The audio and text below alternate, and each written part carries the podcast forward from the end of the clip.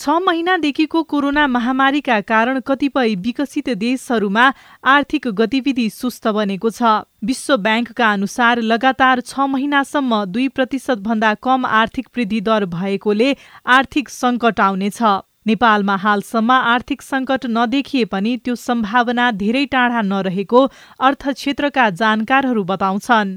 नेपाल आर्थिक पत्रकार समाज सेजनका अध्यक्ष भीम गौतम। आन्तरिक ऋण वैदेशिक सहायतामा हेर्ने हो भने बल्ल छ खर्ब सन्तानब्बे अर्ब पुगेको छ। भने हाम्रो खर्च त झन्डै आठ खर्ब त्रिहत्तर अर्ब भइसक्यो। यसको मतलब चाहिँ के छ भने हामी अहिले पनि ऋणात्मक अवस्थामा पुगिसकेका छौँ। पछिल्लो समयमा सर्वोच्च अदालतले लकडाउनलाई शून्य अवधि भनिदियो। त्यसको विस्तृत विवरण आउन त बाँकी छ। यदि त्यसलाई शून्य अवधि नै मान्दियो र सबै कुरा कर राजस्व उठाउन सक्ने अवस्था भएन भने चाहिँ केही सङ्कट चाहिँ आउन सक्छ। विश्व ब्याङ्कले दोस्रो विश्व युद्धपछिको सबैभन्दा ठूलो आर्थिक सङ्कट कोरोना महामारीले ल्याएको बताएको छ।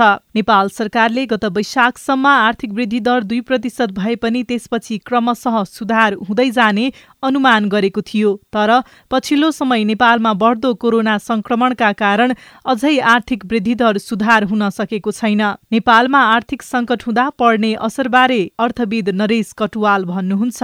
बाहिरबाट आउने रेमिट्यान्स पर्यटन व्यवस्था साना तथा घरेलु उद्योगहरू धेरैले रोजगारहरू गुमाइसकेको स्थितिमा सबै क्षेत्र धराशायी भएर जान्छ।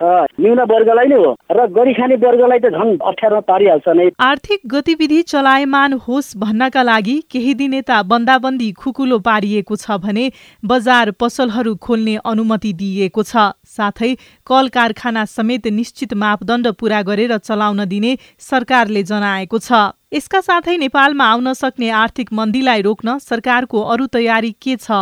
राष्ट्रिय योजना आयोगका उपाध्यक्ष प्राध्यापक डाक्टर पुष्पराज कणेल लकडाउनलाई क्रमशः खुकुलो बनाउँदै लिएर जाने र आर्थिक गतिविधिलाई परिचालन गर्दै जाने भन्ने सरकारको नीति रहेको छ र त्यही अनुसार सरकार अगाडि बढेको छ। अरू हिसाबले हेर्दाखेरि हामी राष्ट्रिय योजना आयोगको तर्फबाट अर्थतन्त्रमा परेका असर के छ?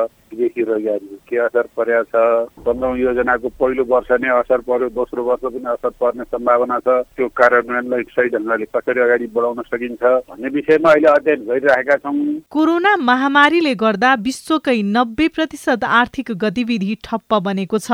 विश्व ब्याङ्कका अनुसार कोभिड उन्नाइसले सन् उन्नाइस सय अन्ठानब्बे यताकै सबैभन्दा धेरै विश्वव्यापी गरिबीको दर बढाउने प्रक्षेपण गरेको छ।